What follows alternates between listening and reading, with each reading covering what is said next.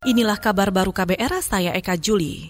Saudara Presiden Joko Widodo menyindir para menteri yang kerja dari rumah selama tiga bulan terakhir seperti menjalani cuti. Hal itu disampaikan Jokowi dalam video rapat serapan anggaran yang diunggah kemarin. Bekas Gubernur DKI Jakarta itu meminta jajarannya bekerja cepat dalam memutuskan suatu kebijakan, khususnya dalam menangani COVID-19.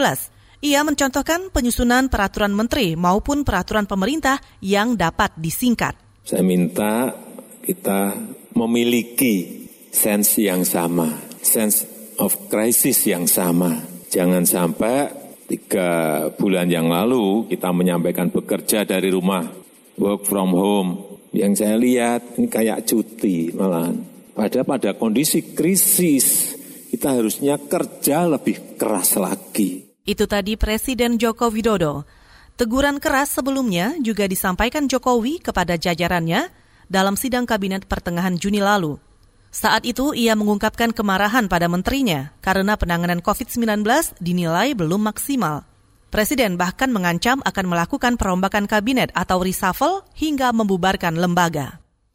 Saudara Kementerian Hukum dan HAM mengumumkan menangkap dan mengekstradisi buronan pembobolan bank kelas kakap Maria Pauline Lumowa dari Serbia.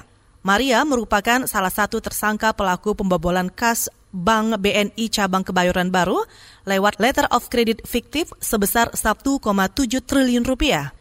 Pada Juni 2003, BNI yang curiga dengan transaksi keuangan perusahaan Maria, PT Gramarindo Group, mulai melakukan penyelidikan dan mendapati bahwa ia tak pernah melakukan kegiatan usaha.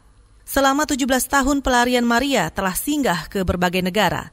Dia bahkan tercatat sebagai warga negara Belanda sejak 1979. Kita ke mancanegara, Pengadilan Korea Selatan memerintahkan pemimpin tertinggi Korea Utara Kim Jong-un untuk memberikan kompensasi kepada dua bekas tahanan perang.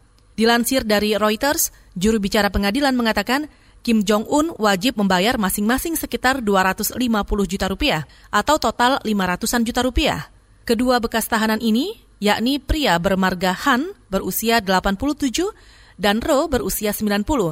Mereka ditangkap selama Perang Korea 1950-an, tetapi tidak pernah dipulangkan ke Korea Selatan setelah gencatan senjata. Mereka juga mengaku dipaksa untuk bekerja di tambang batu bara dan fasilitas lainnya selama beberapa dekade sampai akhirnya melarikan diri dari Korea Utara melalui Tiongkok. Ro kembali ke Korsel tahun 2000 dan Han pada 2021. Saudara demikian kabar baru, saya Eka Juli.